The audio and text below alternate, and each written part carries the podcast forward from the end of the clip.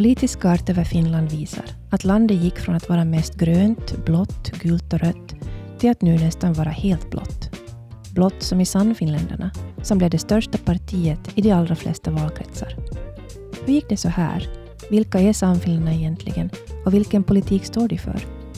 Det frågade jag Ann-Katrin Ljungar, som är docent och lektor vid Södertörns högskola i Stockholm och forskar om populistiska och högerradikala politiska partier i Norden och Europa.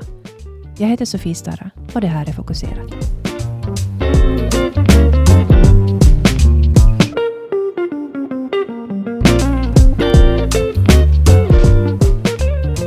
Ann-Katrin Ljungar, välkommen till Fokuserat.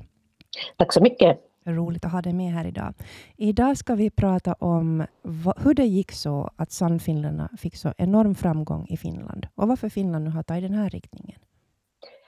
Ja, man har ju länge trott att de här högerradikala eller populistiskt högerradikala partierna skulle vara sådana kortvariga gäster i våra europeiska politiska system. Äh, populismen förknippas ju ofta med sådana karismatiskt ledarskap, protestpartier, äh, de har en fråga på sin, sin agenda och därför är de liksom upp som en sol och ner som en, en pannkaka. Men den här nya, de här nya partierna som kombinerar då äh, nationalism, Äh, invandringskritik, kritik av den europeiska integrationen med värdekonservativa frågor, så har ju visat sig vara väldigt långvariga, äh, yes, inte längre gäster utan invånare i våra politiska system.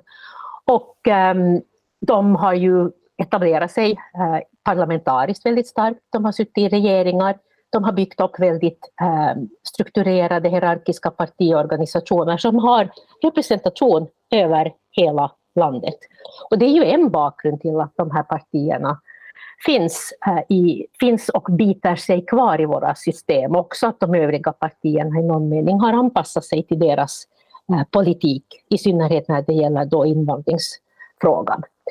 Och eh, vi vet ju att de här partierna gynnas av att deras kärnfrågor diskuteras, det vill säga migration, EU Ehm, och så. Och därför är det ju lite förvånande att Sannfinländarna gjorde ett sånt bra val när det var ekonomin som var den främsta frågan i det här valet. Så man kan ju tycka att det är lite konstigt att de hade sin största framgång någonsin i en valkampanj när det inte var deras eh, kärnfrågor som, som fanns. Det betyder ju på att man har en ganska lojal väljarkår från tidigare, men också att man lyckas mobilisera nya väljare med sin eh, politik. Man har nog också fokuserat på ekonomin, just ställt den mot till exempel humanitär invandring och, och kvotflyktingar och, och biståndsarbete. Att det är liksom först på listan att stryka för, för flera som har blivit invalda. Att, det, att det kostar miljarder är budskapet och därför ska vi inte ha något sånt. Precis, och det är väl en, en, det, den, här, den här inte att kombinera då migration med ekonomiska frågor och kallas ju välfärdschauvinism. Och det kanske inte är en händelse att, att de högerpopulistiska partierna är starka i de nordiska länderna som har en välfärdsstat. För där kan man då kontrastera eh, migrationen mot välfärdsstaten, det vill säga invandringen kostar, de tar pengar från Eh, de, de, de egna invånarna, det är de gamla, pensionärerna, barnfamiljerna, eh, de sjuka som kommer att drabbas om eller när eh, in, när man tar emot många invandrare som har större behov, menar man, av sociala förmåner, sjukvård och så vidare. Så det här är ju en, en, ett väldigt vanligt sätt att kombinera sin grundläggande eh, ideologi, det vill säga nationalismen, till andra frågor. Det samma gäller ju när man talar om brottslighet. Man säger att invandrarna är överrepresenterade i brottsligheten, därför behöver vi en striktare brottspolitik men också då begränsa invandringen. Och man ser ju det, när man pratar också om jämställdhet så pratar man ju om vissa segment av jämställdheten, det vill säga våldtäkter, hot mot kvinnor, kvinnofientliga eh, värderingar som finns hos de här. Så när man talar om de här frågorna så lyckas man koppla det på olika sätt till sin kärnideologi och det är ju naturligtvis en förklaring till att man då kan bita sig fast och eh, Eh, presentera en, en egen profil, en egen, egna perspektiv på den här politiken som då särskiljer sig från, från de övriga partiernas. Om vi backar lite bakåt och, och det här, jag ställer frågan, när började den här utvecklingen med mer populistiska och nationalistiska partier i Europa? I Europa så började det på, på 90-talet. Man talar om den tredje vågen av, av eh, nationalistiska partier och då handlade det ju om partier som FPÖ i Österrike, Front National som nu heter Rassemblement National i Frankrike. Och det var ju också i, i Belgien fanns den här typen av partier och till exempel Sverigedemokraterna bildades ju 1988 under den här vågen och har ju sitt ursprung i den här typen av nationalism, eh, invandringskritik. Medan Sannfinländarna är ett exempel på ett redan etablerat parti som blir, eh, förändrar sig under 90-talet och tar en invandringskritisk och för Sannfinländarnas del en mer EU-kritisk eh, position och, och i, i partiet för partiets ideologi. Så att, och det gäller ju också eh, det schweiziska folkpartiet, Fremskrittspartierna i Danmark och Norge. hände ju samma sak på, på 90-talet. Så att det började på 90-talet, men det var ju i samband då med eh, eurokrisen eh, 2008, 2009 och sen då i synnerhet med flyktingströmmarna som kom under kriget 2015, så de, vissa av de här partierna har fått luft under vingarna. Så att, att de har etablerat sig och kunnat växa, eh, ta plats eh, i parlamenten och då ingå i regeringar handlar ju om att deras frågor har varit väldigt närvarande i våra politiska system under ja, de senaste eh, decennierna. Hur ser du på de här partiernas lösningar på de här frågorna? No, de har ju en, en oftast enbart en lösning och det är ju att minska eh, migrationen. Det är ju det som är, är deras primära målsättning. Och, då, då, där, och därmed säger de, ja men då kan vi ju lösa våra ekonomiska problem eller bevara välfärdsstaten som man säger i de nordiska länderna. Vi kan minska brottsligheten, brottsligheten är importerad. Så de menar ju att många av de samhälleliga problemen är importerade därför att vi har, då, eh, de, eh, vi har haft för stor migration och vi har också blandat olika kulturer. Islam utmålas ju ofta som det största hotet. Och, och islam i termer av både politisk islam, terrorism, men framför allt då eh, muslims, eh, islams värderingar helt enkelt. Att de, de skiljer sig åt från våra. Då, man, man, man betecknar sig ofta att, att man representerar då en europeisk civilisation och europeiska värderingar och där lägger man ju in både kristendom men också då vissa fri och rättigheter och så vidare. Så att um, de här partierna har ju verkligen kunnat omformulera den politiska debatten och också vilka lösningar som krävs för att lösa våra samhällsproblem. Ehm, i synnerhet de nordiska systemen så har ju handlat om, om, om socioekonomisk vänster-höger och där har man ju sett mycket mera på, på skatter och social ojämlikhet och, och så vidare. Men här har vi ju fått den här så kallade nya politiska dimensionen, galtan eller vad man kan kalla den, som har fått en allt större eh, tyngd för hur partierna presenterar sig och hur väljarna tolkar politiken. Och du ställde ju frågan om hur man kan se på lösningar. Ja, men det är ju komplexa problem. Och jag menar, anledningen till att de här partierna har vuxit är ju att de övriga partierna kanske har negligerat de här frågorna. Eh, det har blivit väldigt eh, svartvitt. I synnerhet, Sverige är ju ett, ett, ett, eh, exempel på det, där alla andra partier har tagit avstånd från att under en lång tid för att diskutera de här frågorna. Att det faktiskt finns problem med i synnerhet integrationen, hur nytillkomnas eh, integrering, möjligheter att, att eh, etablera sig på arbetsmarknaden och så vidare. Eh, men, men de lösningar som de här partierna presenterar är naturligtvis väldigt förenklade. Det har ju på, funnits andra förändringar i våra samhällen som har påverkat till exempel sjukvården, vi har privatiseringar, vi har en åldrande befolkning, vi har en, en, en annan ekonomisk struktur, arbetsmarknaden har förändrats, produktion har flyttats till andra länder. Så det är ju många andra parallella händelser som har påverkat vilka, eh, på, vilka möjliga lösningar det finns för de eh, samhällsproblem vi har idag och som politikerna ska hantera. Och det är, ju, det är ju stora och komplexa problem som tar tid att lösa. Men finns det, finns det ett större en större efterfrågan på så, liksom quick fixes i samhället? Det tror jag det väl finns, finns överallt. Eh, de, den här typen av partier, då, om vi kallar dem populistiskt högerradikala partier, så det som kännetecknar dem är att de är ju väldigt eh, framgångsrika i att eh, retoriskt frammana att det finns en politisk kris. Eh, man kan säga, ja, som, om, om vi nu tar Sannfinländarna som exempel, att, att finskheten är hotad, eh, den finländska kulturen, den finländska nationen, vi har välfärdsstaten som krackelerar och så vidare. Och eh, också under EU-krisen så var ju Timo Soini väldigt eh, ivrig i att måla EU som någon slags undergångsvision för det nationella självbestämmandet och, och, och finländsk, Finlands, Finlands självständighet och oberoende. Och när man då ska besvara de här frågorna så vill man ju ge väldigt enkla lösningar. Om vi går ur eurosamarbetet, då löser det sig. Om vi inte tar emot flera invandrare, då kommer allt att bli bra. Men det är ju inte så enkelt. Och det är klart att, att i en samhällsdebatt och där vi också har en helt Eh, annorlunda eller en eh, medieflora än vad vi hade tidigare, vi tänker på sociala medier och så vidare, så är det ju, och, och där budskapen är ganska korta och rappa och snabba, så kanske det är också så att det skapas en förväntan och att den politiska debatten också blir väldigt förenklad och det ska gå väldigt snabbt. Det finns lite tid för att utveckla sina resonemang och göra komplexa samtal, ja, som vi gör nu, att man kan vända och vrida på saker och man kan fundera och man kan få lägga ut sina tankar, kanske inte så väl sorterat alla gånger, men, men resonera kring saker och ting. En som har analyserat Sannfinländarna eh, i Finland är Markku Jokisipilä, som för några år sedan gav ut boken Halla ahon perussuomalaiset.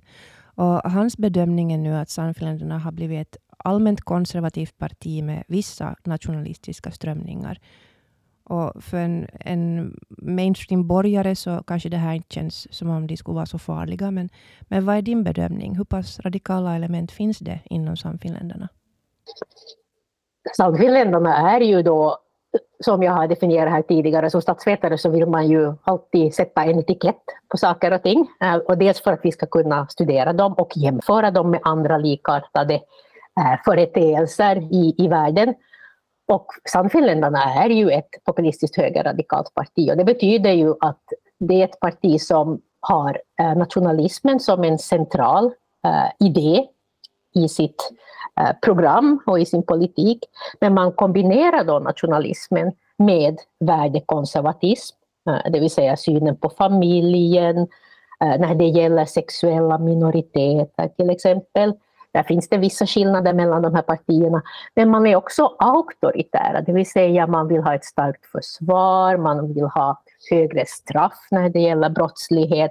Man har en, en syn på att skolan ska ha en fostrande syn, det vill säga att man ska ha respekt för de äldre, man ska ha respekt för staten och olika typer av auktoriteter. Och Sannfinländarna är ju ett typiskt exempel på ett, ett sånt här parti. Och man kan ju först peka på vilka de samarbetar med i Europaparlamentet. Det är ju de traditionella eh, nationalistiska partierna i Europa, som FPÖ i Österrike, det franska Rassemblement National, Flams Belang från Belgien, Eh, där ingår ju nu också då Lega som har varit regionalt parti men som också har blivit väldigt då under 20, under 20 år eh, rört sig i en, en, nationalistisk riktning. Så det här, de, är, de tillhör kärnan av eh, nationalistiska partier i, i Europa. Jag skulle nog säga att nationalismen också är den viktigaste eh, delen i deras ideologiska paket. Och jag tycker mig också se, eh, inför vårt samtal nu så, så läste jag igenom deras specifika program, både när det gällde migrationspolitiken eller invandringspolitiken, men också då deras finskhetsprogram. Och man ser ju ty tydliga paralleller till de övriga partierna. Och man hänvisar ju själv till att man vill ha en lik, att Finland ska ha en politik Eh, som eh, man har i Danmark och där Dansk Folkeparti eh, har varit drivande när det gäller migrationspolitiken och så vidare. Så att det här är ju, att tona ner nationalismen tycker jag ju inte är riktigt korrekt för det här partiet som har radikaliserats efter det att Halaho blev vald till ordförande eller partiledare 2017 och Rikka Purra har ju övertagit hans mantel, nationalistiska mantel i det här hänseendet. På vilket sätt skiljer sig då Sannfinländarna från Sverigedemokraterna? Tidigare har Timo Soini tagit avstånd från, eller officiellt hållit avstånd till Sverigedemokraterna, men Purra och Åkesson verkar nu stå, stå väldigt nära varandra.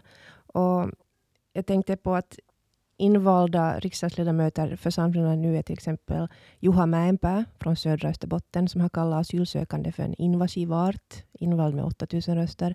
Sebastian Tynkkynen från Uleåborg, dömd tre gånger för hets mot folkgrupp, 17 000 röster. Jussi Hallaho, också dömd för hets mot folkgrupp, 22 000 röster. De, de här är ändå populära politiker och blir invalda.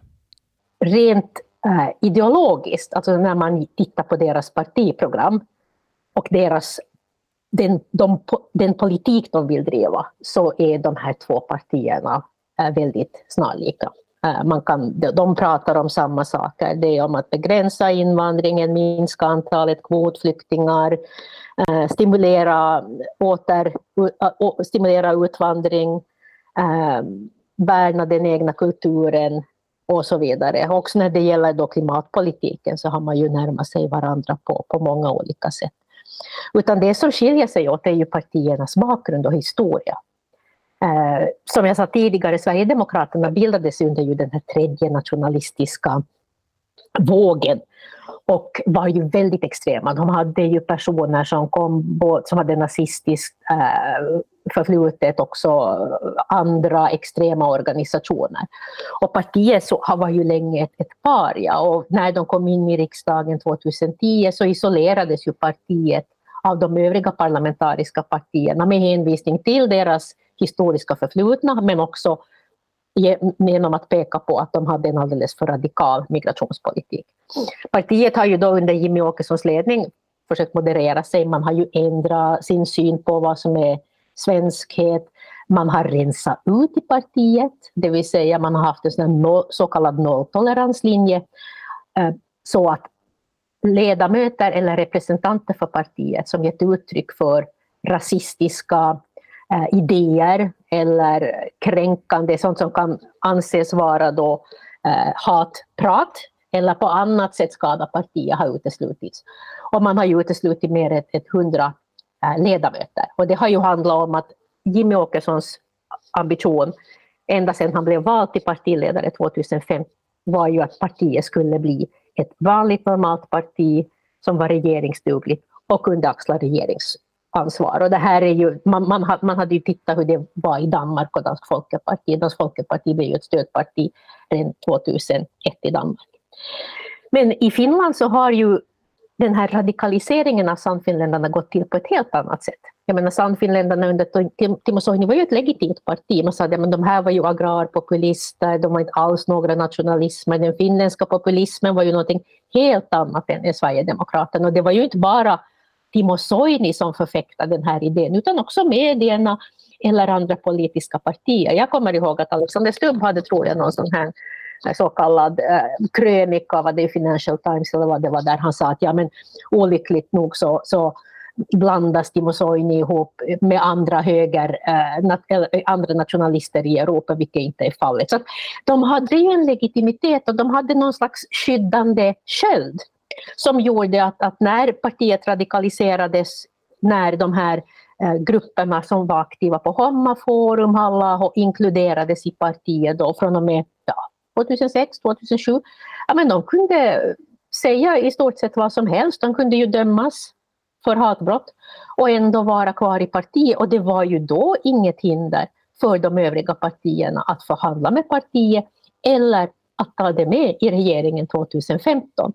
Så Finland har ju, de finländska partierna har ju varit mycket mer toleranta inför den här typen av uttalanden och för att man har ledamöter som verkligen uttrycker rasistiska idéer.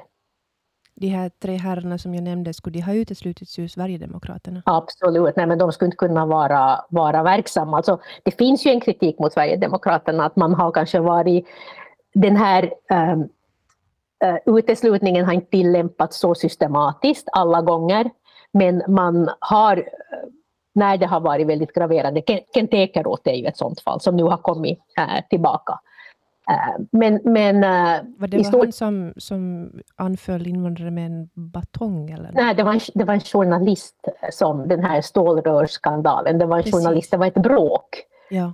Ute på stan. Men han, han, Kent Ekeroth är ju inte dömd i domstol, för, alltså för hatbrott. Alltså han är dömd för att han har då utfört, men det var ju mot den här eh, journalisten som, som var, han var väldigt känd också, eh, journalist. Så, så att, jag menar, men, men det är ju sånt som skadar partiet. Mm. Så man, om man, för I Sverige har, man ju, har ju Sverigedemokraterna verkligen tvingats på grund av då det motstånd som fanns och också den mediebevakning som har funnits av de sverigedemokratiska ledamöterna att rensa upp i de egna leden. Eh, på olika sätt. Och jag menar, man har ju också, det finns en, en, en organisation som heter Expo eh, det, som då eh, ska bevaka och eh, när det är olika former av extremism i samhället och de har ju också publicerat olika rapporter och, och gjort olika grev tillsammans med, med, med, tidningar. Expressen har ju varit väldigt aktiv.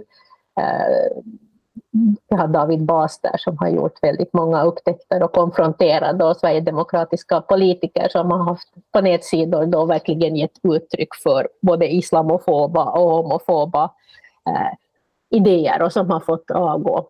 Så, att, så att det är ju den här att partiet har haft det här trycket på sig att ändra, bli mera legitimt och normalt. Och det har ju förstås tjänat partiet väljarmässigt också. Jag menar, många väljare blir ju eh, tveksamma till att rösta på ett parti eh, som har den här typen av, av väldigt extrema aktivister och vara vissa då kanske inte tvekar att använda sig av våld eller umgås med aktivister från mer extrema organisation, organisationer. Och här hade det ju varit mycket mera slappt i Finland, så jag har ju varit rätt överraskad över att man, man förbjuden Nordiska motståndsrörelsen men man har accepterat att samfinländska aktivister har gett, gett uttryck och blivit dömda för hatbrott och också då umgåtts med, med aktivister i, i organisationer som är extrema. Men man har, man har rensat upp på ett annat sätt kanske i Finland, till exempel den här, det här tidigare ungdomsförbundets dåvarande andra vice ordförande Tony Jalonen, så han eh, det var ett, de hade stora problem, Samfinländarna, med, med det här ungdomsförbundet, mm. som gjorde mycket rasistiska utspel och, och, var jobbigt på alla sätt och vis. Och jag tror droppen kom när han kallade sig själv fascist. Mm. Då blev han utesluten ur partiet. Så, så, det här, men, men, så där går tydligen gränsen. Då sa Halla ja. att vi är inte ett fascistiskt parti. Precis, och, och detsamma hände ju också med, med Sverigedemokraterna. De tog ju avstånd från sitt gamla ungdomsförbund 2015 och mm. Eh, bildade ett ungdomsförbund som är en, en, en, en förening internt inom partiet. Eh, där hade ju ledamöterna på det sättet gett uttryck för eh, den typen av att, att av, av åsikter. Alltså de var ju mer extrema, men de var ju kritiska till att Sverigedemokraterna hade definierat sig som socialkonservativa. De ville ju att nationalismen skulle vara den primära ideologin och man tyckte att nu blev man för pragmatisk, man var för sugen på, på att få politisk makt och inflytande och att man hade modererat sig för mycket. Och sen var de ju ganska eh, uppnosiga de här eh, ungdoms, eh, Gustav Kasselstrand och de andra. Han har ju också varit verksam i Finland, men de bildar ju ett nytt parti, eh, Alternativ för Sverige, som inte har haft så väldigt stora framgångar, men de har ju ställt upp både i kyrkovalen och i kommunalval och i, i riksdagsvalen, men, men eh, deras framgångar har varit väldigt små. Ja, det, det är samma här. Just den här Tony Jalonen så leder nu eh, Blåsvarta rörelsen som uppnådde partistatus. Jag minns inte exakt när, det var något år sedan. Var det förra året till och med? Och han fick ett par hundra röster i riksdagsvalet, också den här vice ordföranden. Men, men resten, de hade ändå ett, rätt många kandidater uppställda. De samlade ett tiotal röster. Att det, det gick ju inte alls bra, vilket man ju ska vara tacksam för. Men, men där, där har tydligen Samfinland då, eh, enligt uppfattningen gjort sig av med de här radikala elementen. Även om det sitter kvar människor som uttrycker sig eh, antingen åtalas för hets mot folkgrupp eller döms för det stup i kvarten. Man, man, kan ju se nu i Sverige, eh, nu efter det att de har blivit ett stödparti och sådär, att, att framförallt från vissa företrädare från ungdomsförbundet lite mer radikala uttalanden. Att, att det verkar så, så där att nu när man har släppts in, delvis i alla fall i värmen och får vara ett stödparti, så kan man tillåta sig äh, mera äh, extrema uttalanden. Inte på det sättet att det handlar om brott, men, men man kan vara mera explicit. Ja, men det handlar frågan om EU, där gick eh, äh, Ungsvenskarnas, alltså deras ungdomsförbunds nya, nyvalda ordförande ut och sa att, att man behöver en svexit. Sverigedemokraterna har ju legat väldigt lågt när det gäller eh, den Europeiska unionen. Alltså det är väl en förutsättning för att kunna vara ett stödparti till en regering att man accepterar Sveriges medlemskap i EU och inte driver aktivt frågan om ett, ett svenskt utträde. Eh, vi ser också när det gäller eh, vissa andra frågor, jag menar åter, återutvandring, deportationer, på vilka grunder man kan deporteras, men den här frågan om svensk vandel till exempel, att om man beter sig på något sätt osvenskt så kan det vara en grund för att man ska utvisas. Så här, och, och, och det fanns ju ändå i det här Tidöavtalet. Så att, eh, man, man bibehåller ju ändå en, en stor del av sånt som kan anses vara vara osvenskt. Och nu har vi ju en pågående en debatt här i Sverige om, om ehm, den här om, om ehm, befolkningsutbyte, att, att svenskarna kommer att vara i minoritet i sitt mm. eget land då, 2060 eller när det nu är. Och det här är ju en fråga som Sverigedemokraterna inte alls liksom har drivit väldigt hårt. Jag menar tankarna har ju funnits där och det har funnits i, i deras partiprogram att man ska värna den svenska kulturen och språket och så vidare. Men det har ju också bäring på vem man anser vara är svensk. Att då plötsligt så är det liksom alla som kommer som är födda utomlands eller som har en förälder som är född utomlands. När man då samtidigt, jag tror det var 2000, ja, någon gång på medel, ja, mellan 2015 och 2016, så är den tidigare, så, så hade man den här, tog man bort det här att, att för att vara svensk så måste man ha liksom någon slags den här essenstanken om att man måste vara född i Sverige, ha någon historisk anknytning och så vidare, utan att man kunde bli svensk genom att lära sig språket, leva enligt svenska värderingar, anamma liksom svensk kultur. Så här kan man väl också ana sig till någon form av liksom radikalisering som är på gång och att man också i den offentliga debatten har en ganska höjer svansföringen i, den, i, i, i de här frågorna.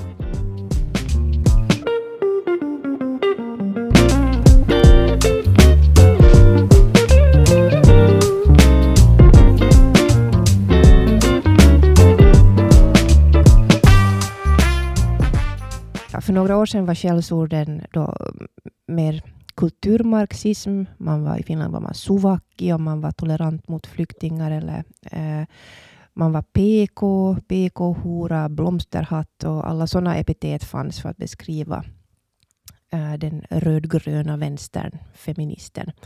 Och eh, idag så har man nya begrepp har man då kommit på. Uh, intersektionell feminism är ett väldigt avskytt begrepp inom de här rörelserna. Likadant woke och, och cancelkulturen. Varför är det ett sådant fokus på, på de här orden och vad det innebär? Varför vill man ha ett kulturkrig? Ja, de här partierna har ju då, eh, har ju kallat populistiskt högerradikala partier och här ska vi kanske då kombinera populismen med deras eh, ideologi, ideologier kan vi säga, både nationalismen och socialkonservatismen. De här partierna presenterar sig ju ofta som ett alternativ eh, till en politisk elit.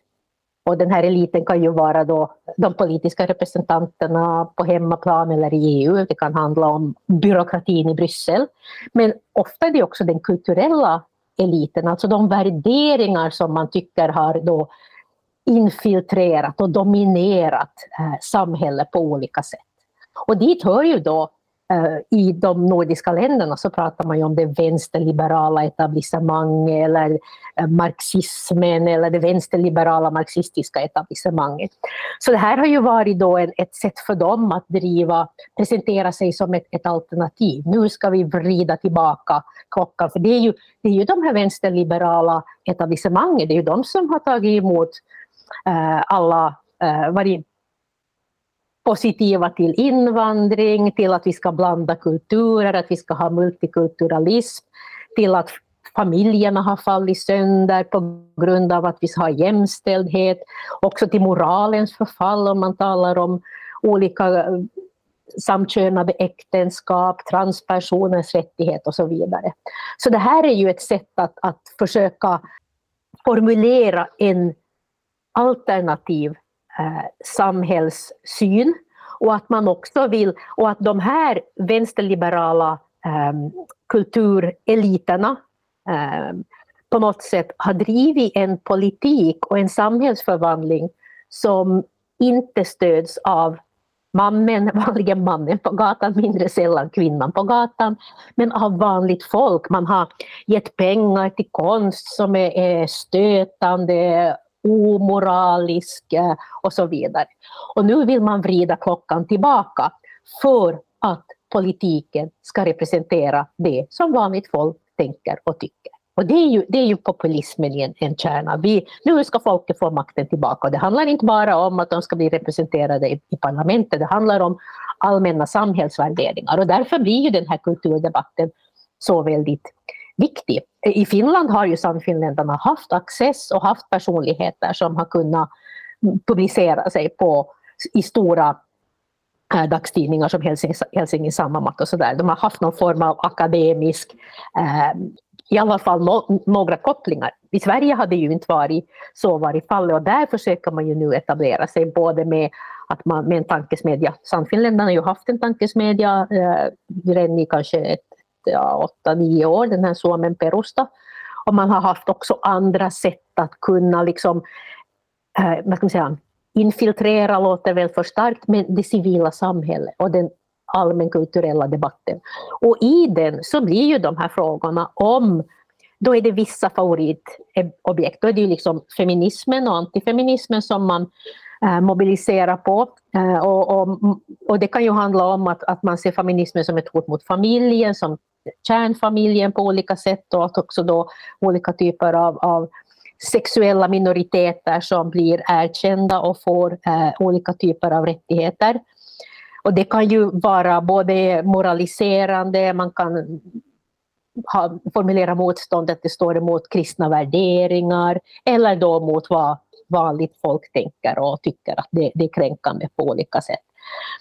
Och när det gäller också olika typer av stöd till um, alltså universiteten, genusmedveten, eh, uh, eh, genusforskning, eh, I Sverige har det mycket varit om genusmedveten pedagogik och så vidare. Så där, där, det har varit en, en, en till vissa delar en viktig fråga. Jag tror kanske mera i Finland än, än, än, i, än i Sverige helt enkelt. De här.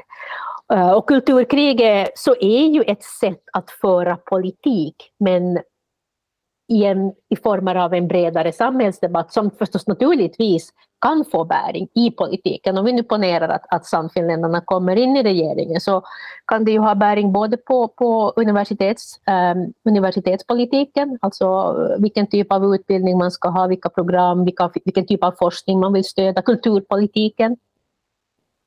Vad är det för typ av kultur man, man, man, man ska stödja? Är det sånt som, som eh, inte då kränker vanligt folks smak och tyckanden och, och, och ja, så. så att, det är klart att, att ambitionen är ju snarare att ändra, eh, man tycker att det vänsterliberala eh, det så kallade vänsterliberala etablissemanget har haft för stor betydelse. De har varit dominerande i olika institutioner. Det kan handla om mediehusen, det kan handla om kultur, eh, kulturens institutioner och så vidare. Och nu vill man vinna tillbaka de här institutionerna för sin egen del, för att kunna då göra avtryck.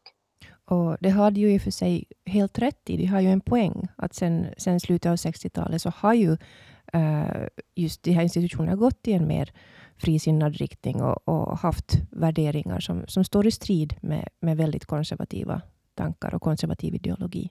Precis, men samtidigt så ser man ju också, jag menar de nordiska samhällena är ju väldigt sekulariserade. Jag menar, det är ju, Sverigedemokraterna har, brukar ju säga att Sverige är ett exceptionellt land. Jag menar, när man tittar på så olika, det finns ju en, en World Values-karta. Eh, Ronald Ingelhardt var en forskare som tillsammans med Pippa Norris utvecklade eh, tankar om det postmateriella samhället, det vill säga att värderingar, värderingsfrågor skulle bli allt mer, blev allt mer viktiga i politiken från och med 60 och 70-talet, alltså hela 68-rörelsen och så vidare. Och att, att de skulle kunna bli viktigare för vilka politiska partier som bildades. Och det är ju sant, det gäller ju både Miljöpartiet när det gäller miljöpolitiken, men de här högerradikala partierna är ju då en motreaktion mm. mot den här post, så kallade postmateriella revolutionen, eller vad man nu vill, vill kalla den. Så att det är ju ett, det är ju ett sätt att, att försöka vrida klockan tillbaka från då de värderingar som kom med 68. Det handlar ju om, om miljöpolitik, feminism, eh, när, eh, rasism, alltså olika typer av minoriteter, också det här mera eh, multikulturella samhällen som är mera öppna, har öppna gränser och är också öppen för andra, andra kulturer. Just, vad, vad menar man egentligen med uttrycket att någonting har gått för långt? Det är ju populärt att använda. Nej, men det, det är ju just det här att, att, att, att man, vill ju, man använder ju sig av det för att säga att, att det här är ju någonting som är omoraliskt, depraverat, det går emot allmän, vad, vad vanligt folk tänker och så vidare. Och det är ju, eh, man, ser ju, man talar ju också om att, att någonting har gått sönder, säger, har ju många politiker sagt. Och, och de här ledarna de säger att nu, de här högerradikala ledarna, så nu ska vi komma och ställa saker och ting i ordning, vända klockan tillbaka. Och man kan ha olika typer av av metaforer. Jag kommer ihåg Jean-Marie Le Pen eh, som var den nuvarande partiledaren för eh, Rassemblement Nationals eh, pappa. Så han sa att han, han, skulle sopa bort, han skulle sopa rent. Nu skulle allt den här smutsen bort. Man ska sopa rent, man ska förändra. Och jag tror, jag har ett eh, gammalt citat från Veikko Vennamo, Rendo på, då pratar han ju om Rötösherrat och alla de här korrumperade politikerna. Men han menar att, att då, det var ju landsbygdspartiet, men den politik de skulle driva, det var ett reningsbad. Det var som en finsk bastu, all smuts skulle liksom tvättas av, sköljas av. Och det är ju så de presenterar sig. Vi ska ställa saker och ting i ordning. Det, vi, vi har saker och ting i förfall. Och det kan ju handla om det finska språket, den finländska kulturen, vanliga värderingar. Och man, har, man är ju väldigt nostalgiska. Mm. Det var bättre förr, som det var förut när vi hade, alla var så likadana ut, alla tittade på samma TV-stationer, alla tänkte på samma sätt. Liksom, att det är liksom, man har någon slags nostalgiskt tillbakablickande. Och det är ju inte en händelse, till exempel Jimmy Åkesson har ju sagt att om, om Per Albin Hansson som var en väldigt tonangivande svensk politiker på 30-talet och, och tog över en sån här konservativ idé om folkhemmet. Att, att han har sagt att om Per Albin Hansson vore verksam nu så skulle han vara sverigedemokrat. Mm. För det är vi som ska bygga det här samhället som är ett folkhem. Det är familjen, kärnfamiljen, men sen ska staten vara som en stor familj där vi, vi, vi är lika varandra. Där vi, så det finns ju liksom någon slags idé om någon form av gemenskap, men den gemenskap bygger ju samtidigt eh, murar, staket mm. mot andra, för den gemenskap ska bestå av eh, människor som är lika varandra på ett antal olika sätt. Ja, ja, jag känner att man vill ju inte vara den där smutsen som ska tvättas bort i ett reningsbad. Nej. Nej, och det är ju, det är ju en, en, del av det här att de är väldigt snabba på att peka ut vilka är de här som inte är inkluderade i den här gemenskapen. Varför kommer jag att tänka på Ryssland? Man gör ju samma sak där mot minoriteter, sexuella minoriteter till exempel och betonar familjen och det här västerländska inflytandet som depraverar Ryssland. Det är ju en kärn, alltså familjen är ju väldigt viktig, viktig i all form av, av nationalism. Eh, och, och, och, det handlar ju om att familjen är den här grundstenen som samhället byggs på. Familjen är viktig dels för att de ska ge staten barn, men också för att de har den här socialiserande inverkan och ska uppfostra barnen i samhällets värderingar som handlar om att man ska vara då patriotisk och fosterländsk och ha vissa andra typer av, av värderingar. Och samtidigt, jag menar, i Europa har vi ju demografiska eh, problem. Jag menar, det föds för få barn och eh, det finns ett stort behov av arbetskraft.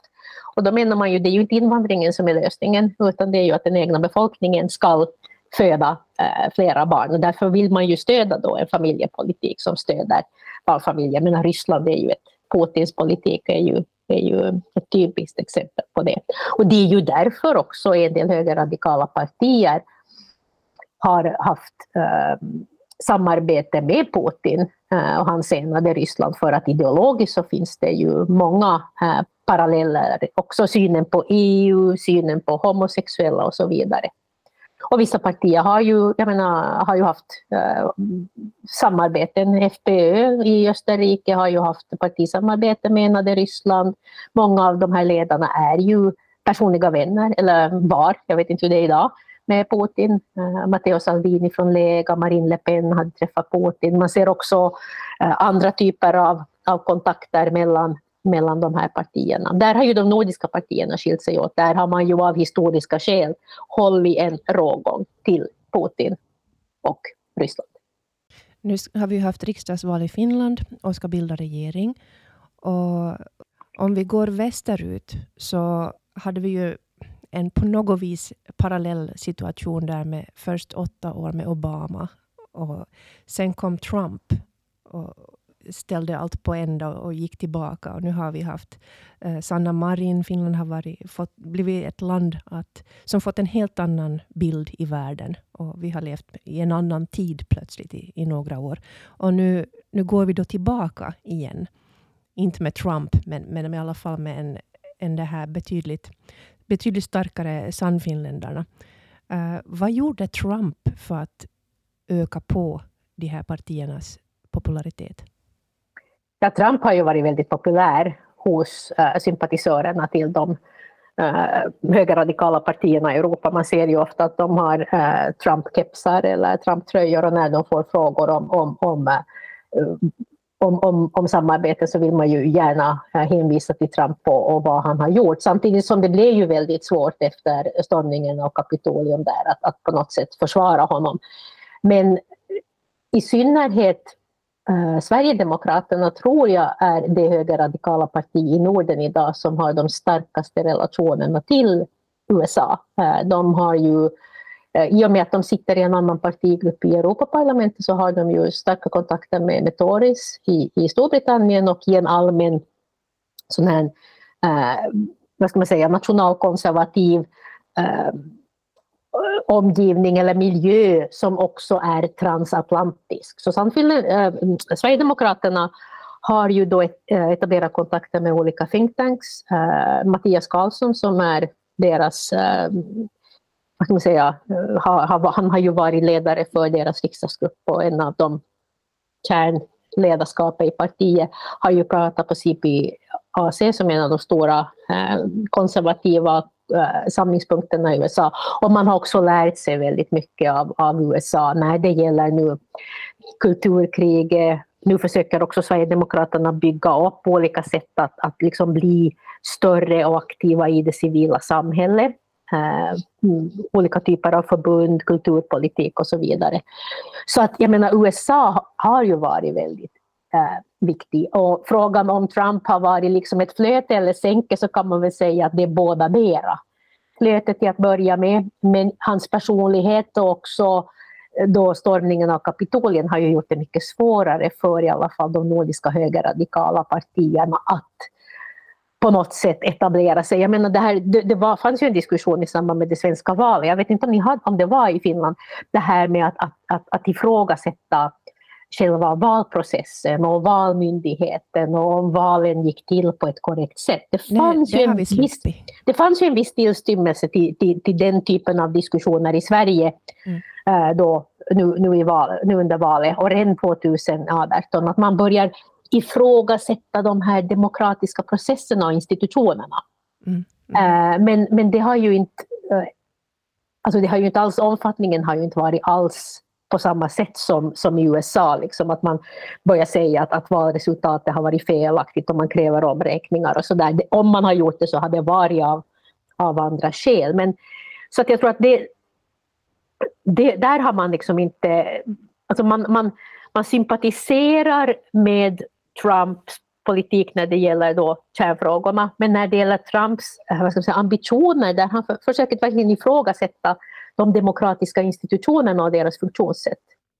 Där, där man har ju inte rört sig i dem och så, så i, i, i, den riktningen på, på samma sätt. Liksom. Och, och, och, där ser man ju att Trump har ju gått i en mycket mer auktoritär och antidemokratisk riktning. Jag menar, för det, det, det är ju en del av att vara en politisk ledare, att om man är, har förlorat ett val så accepterar man valresultatet och, och så, så, så det där eh, ja, gratulerar man eller accepterar att någon annan tar över och så agerar man i opposition. Men här vill man ju på alla sätt eh, och, och vis eh, hävda att eh, de politiska motståndarna har, har använt sig av, av, av illegala medel för att, att nå makten.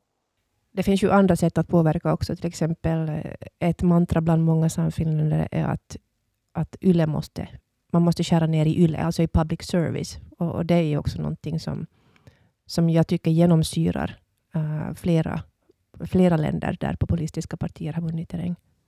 Precis. Jo, de, de, de menar ju att det är någon form av politiserad, statskontrollerad media, media och där det är vissa nyheter som inte får spridas. Så medien, medierna uh, packas ju ofta ihop med det här så kallade vänsterkulturella etablissemanget. Och man ju, blir ju väldigt glad när man då, till exempel i Sverige så, så har man ju utforskat vilka politiska partier som dominerar bland journalister. Och nu har ju det här förändrats, men man menar ju att det här är...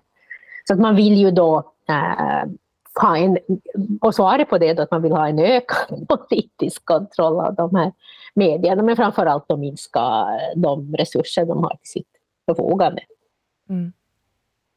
Nu ska vi bilda regering i Finland och spänningen ökade ytterligare igår när Sanna Marin avgick som partiordförande. Uh, eventuellt då för att göra det lättare att skapa en blåröd regering. Va, hur ser du på, på den här processen i Finland? Ja, när det gäller vilket regeringsunderlag som, som uh, kommer att bli så har ju Finland en, en, en eh, tradition haft en ganska öppen uh, regeringsbildning, det vill säga det är valresultatet som är avgörande. Och det finns ju de här informella normerna att det är det största partiet som får uppdraget att bilda regering och sen förhandlar man och så ser man vad som kommer ut ur den processen. Men nu inför det här valet så var det ju vissa partier som då äh, sa att man inte kan tänka sig att, att samarbeta med, med Samfinländarna eller sitta i samma regering som dem. Så det har ju påverkat då vilka olika alternativ som finns till mm. förfogande. Sen är ju frågan hur Eh, absoluta de här utfästelserna är egentligen. Men mönstret i Europa har ju varit att eh, de här högerradikala partierna samarbetar med center-höger eh, i center-högerregeringar tillsammans med då Eh, konservativa kristdemokratiska eh, partier. Och det är ju det alternativ som här, jag menar att Samlingspartiet och, och, och Samfinländarna står ju varandra nära, eh, i synnerhet när det gäller ekonomiska frågor i och med att Sannfinländarna har flyttat sig längre, längre högerut. Nu är ju, det som kanske kan vara svårt är ju att vi har ju, det är ju tre partier som är, är väldigt nära varandra och det betyder ju också vad de kommer att kräva kräva, både när det gäller fördelningen av ministerportföljer men också då avtryck i regeringsprogrammet. Det kan ju vara någonting som, som försvårar eh, regeringsförhandlingarna. Det finns ju också skillnader mellan eh, de här framförallt då Samlingspartiet och, och Samfinländarna. Så att det, men, men Socialdemokraterna har ju sagt att de inte vill sitta i samma regering som Samfinländarna, så det skulle ju vara ett sätt då att hålla dem utanför regeringskonstellationen. Så. Mm. Ja, det, det, är väldigt svårt att veta hur, hur partierna svarar på Orbos frågor och vad, vad han kan acceptera. Det blir spännande vår. Ja, man, alltså man ska lite... När beskedet kom att Sanna Marin kommer att avgå här äh, framöver så, så gick mina tankar till det som hände i Sverige 2014 när Fredrik Reinfeldt redan under äh, valkvällen när resultatet stod klart meddelade att han kommer att avgå. Han hade ju varit en väldigt framgångsrik ledare äh, under under två mandatperioder, det vill säga åtta år. Och aldrig tidigare har ju de svenska moderaterna varit så framgångsrika. Och han, det var ju också den här Eh, etableringen av de nya moderaterna som hade rört sig mer till, till vänster i socioekonomiska frågor, men också var, hade rört sig i en mer liberal, liberal riktning både när det gäller invandring och, och, och kulturfrågor. Och det här satte ju partiet, alltså det, det förenklar ju inte eh, regeringsförhandlingarna på något sätt. Då hade man ju Sverigedemokraterna som var ett tungan på vågen parti. Det hade blivit väldigt svårt att bilda regeringar eftersom inte varken center, vänsterblocket eh, eller eh, eh, det rödgröna blocket hade en egen majoritet, utan man stod inför en väldigt komplicerad, och då har vi ju alla de här avtalen, decemberöverenskommelsen och januariavtalet, som liksom försökte liksom hitta sätt för minoritetsregeringar att säkerställa en politisk eh, majoritet i parlamentet. Och frågan är väl nu om Sanna Marins avgång verkligen kommer att underlätta eh, regeringsförhandlingar, för det blir ju också väldigt svårt för en nyvald partiledare att kastas in i ett eventuellt eh, regeringssamarbete eller utan att själv ha varit med i detta och formulera och varit också den person som har lett partiet fram till den, för det var ju trots att man det var ju ändå en valframgång för, för Sannfinländarna. Mm. Vilket mandat man, den personen kommer att, kommer att ha och vad som händer internt inom partiet äh, efter när man får en ny partiledare. Så det kanske inte är givet att det är alldeles, alldeles enkelt att, att, att hantera och gå in i den rollen. Nej, nej men det, förslagen som, har, som finns på lut, är nog, det finns också erfarna ministrar bland dem, Tytti Tuppurainen mm. till exempel. Så att... Ja, men för Kinbar Batra var det ju överhuvudtaget inte enkelt att ta mm. över efter Fredrik Reinfeldt. Men, och Fredrik Reinfeldt var ju väldigt populär. Han, hade ju också, han var ju också populär utanför de egna äh, leden. Så att han var ju väldigt, kanske inte karismatisk, men han, han hade stort förtroende hos, hos befolkningen mm. eller hos väljarna. Inte enbart hos de moderata väljarna utan i en bredare krets. Vad hade hänt om Sannfinländarna blivit det största partiet i Finland? Ja, nog skulle det ha varit svårt att förbigå dem som Eh, regeringsbildare i och med att den, den, har varit liksom Trots att den inte är inskriven i någon form av regeringsform eller grundlag eller parlamentarisk ordning, att det är ledaren för, för det största partiet som ska få regeringsbildningsuppdraget, men då borde man ju ha haft några eh, starka argument för att då förbigå de som det parti som får uppdraget att bilda regering. Och på vilket sätt skulle det ha förändrat Finland? Ja, titta, alltså, jag menar, oberoende om de blir eh, statsministerparti eller ingår i en koalition, så det är klart att de kommer att kräva inflytande. Och har de gått fram så kommer de att kräva avtryck i, sitt, i regeringsprogrammet. Och eh, i och med Eh, de formulerar väldigt eh, vad ska vi säga, eh, restriktiva positioner. Eh, mycket kan väl uppfattas som till viss del symbolpolitik.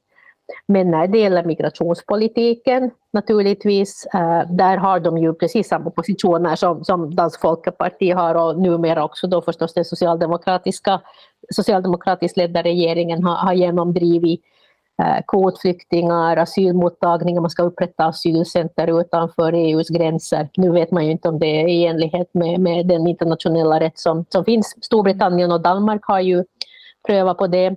Mm. Åter, eh, äh, återutvandring, äh, eh, deportationer. Äh, man ska ha en diversifierad ersättning när det gäller sociala rättigheter, det vill säga att invandrare ska få lägre ersättning. Det ska bli svårare att erhålla finländskt medborgarskap, man ska kanske ha bott här uh, och var, jag tror jag läste åtta år. Alltså, så där, där beror det förstås på om man får med då de övriga, övriga i koalitionen. Ehm, um, svenskans ställning mm. eventuellt. Jag menar, det borde ju vara väldigt svårt för Svenska folkpartiet att kunna sitta i en sån, sån regering och frågan är väl om Sannfinländarna ens vill ha dem med. Mm. Om de vill genom, genomdriva eh, reformer på det eh, området. Eh, den ekonomiska politiken, jag menar där är det väl kanske arbetskraftsinvandringen som blir den svåraste nöten att, att knäcka. Men mm. när man satt med i regeringen 2015 till 2017 så introducerade ju den regeringen en mer liberal arbetsmarknadspolitik, speciellt för sådana som hade då eh, Eh, var då experter men också i områden där det fanns behov av arbetskraft. Och där tycker jag att finländarna har nu gått tillbaka och intagit en mycket mer restriktiv mm. riktning, att det är finländarna som ska ha jobben först. Jo, och det vet jag inte riktigt hur man ska, man ska kunna, kunna lösa. Familjen med en viss inkomstgräns som är ganska hög. Precis. Um, så där kommer man finna avtryck. Um, miljöpolitik eller klimatpolitiken framför allt. Jag mm. vet inte riktigt hur, hur där kanske vet du säkert mer än jag, liksom, hur man hur, man, ja. hur man ser på det och, och, och eh, koldioxidutsläppen också ja. i övrigt, vindkraftverk, torven och så vidare. Där ja, kan man kanske förvänta sig... Jag tycker Finland har en för ambitiös klimatpolitik och ska vänta till 2050 mm. istället för att, att det här uppnå, äh, minska koldioxidutsläppen till 2035. Mm. Och så som jag sa tidigare, kulturpolitik, utbildningspolitik. Mm. Där kan man också förvänta sig att de vill ha något, ha något avtryck. Mm. Hur ser du på framtiden gällande de här nationalistiska och populistiska högerpartierna? Nej, men som jag, som jag började med, de här har ju etablerat sig i våra partisystem och de kommer nog att finnas kvar. Och de har ju blivit allt mer lika de övriga partierna. Att det är på att sitta i regering.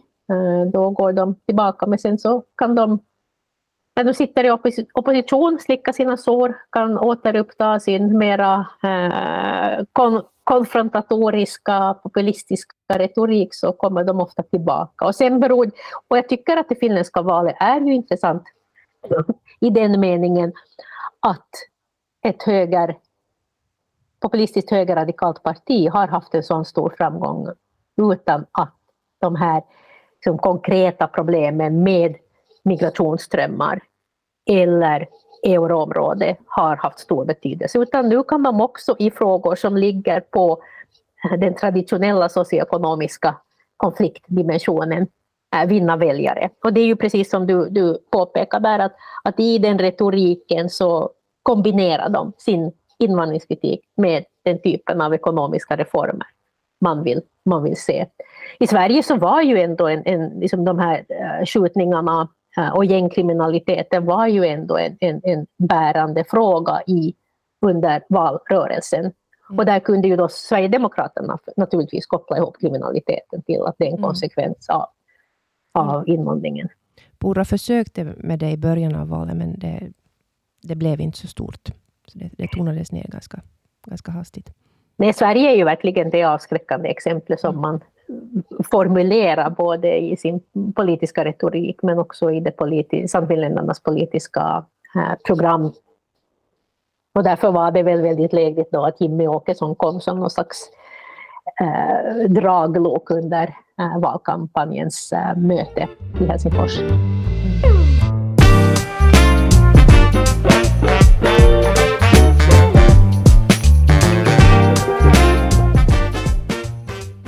Tack Ann-Katrin Ljungar och tack till dig som lyssnar.